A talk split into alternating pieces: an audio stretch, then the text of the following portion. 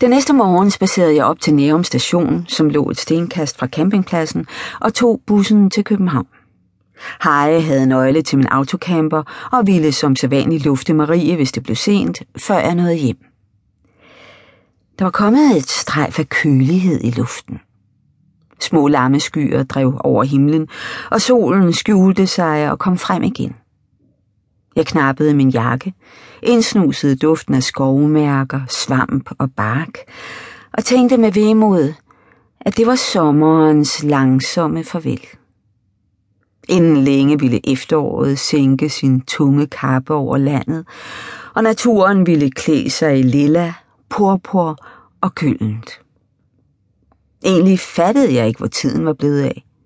Det var allerede over en måned siden, Ursula, Sigge og jeg havde holdt ferie på Bornholm, og jeg synes som det var i går. Tanken om Sigges ivrige ansigt, da vi gik på opdagelse i Østerlars Rundkirke, fik mig til at smile. Han var overbevist om, at vi nok skulle finde tempelriddernes skat, og han havde været utrættelig i sin søgen. Lille Ursula fulgte ham solidarisk, lod sin hånd glide undersøgende hen over et utal af gamle mure og ledte omhyggeligt bag hver gravsten på de kirkegårde, vi besøgte. Men indimellem havde hun skævet til mig med et finurligt glimt i øjnene. Vi bliver altså nødt til at komme igen, farmor, sagde Sigge, da vi efter syv solrige dage vendte næsen hjemad. Du må jo regne med, at det her handler om en formue. Han var dybt alvorlig, og jeg lovede prompte, at vi ville vende tilbage til næste år. Julies lejlighed lå på Hovitsvej på Frederiksberg, og da jeg stod på fortorvet foran den røde murstensejendom og lod blikket glide op mod vinduerne på tredje sal, sneg en spirende uro sig af der ind over mig. Jeg rodede i tasken og fandt nøglerne frem. Gadedøren lukkede bag mig med et stilfærdigt klik, og trafikstøjen blev fjern. Inde i opgangen duftede der nybagt brød fra bageren ved siden af. På gulvet foran opslagstavlen havde et dovent avisbud efterladt lokalbladet og en stak kulørte reklamer, og fra en af lejligheden trængte tonerne fra en opera igennem. Jeg stod lidt og lyttede, følte mig fremmed. Så begav jeg mig tøvende op ad trappen. Væggene var malet i en sart blå farve, og trappetrinene var nylakerede. I et af de vinduer, jeg passerede, havde en beboer med grønne fingre anbragt en stor dronning Ingrid pelagonie i en lærpotte.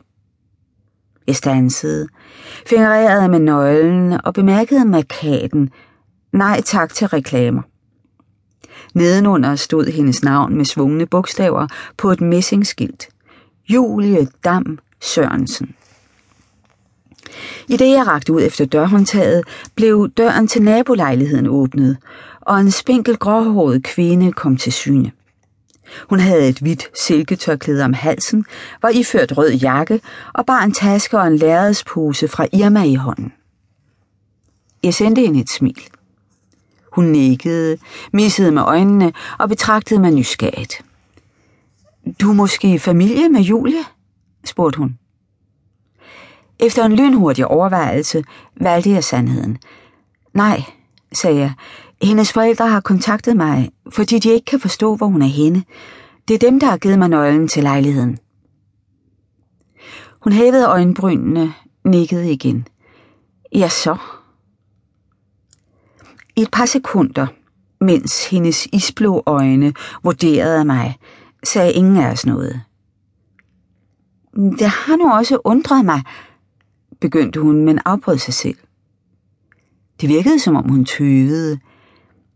Hvis Julia er væk i længere tid, plejer jeg altid at vande hendes planter, sagde hun så. Men denne gang har hun ikke sagt et ord om det. Pludselig var hun bare væk, og jeg forstår det ærligt talt ikke. Hun skulle jo have gæster.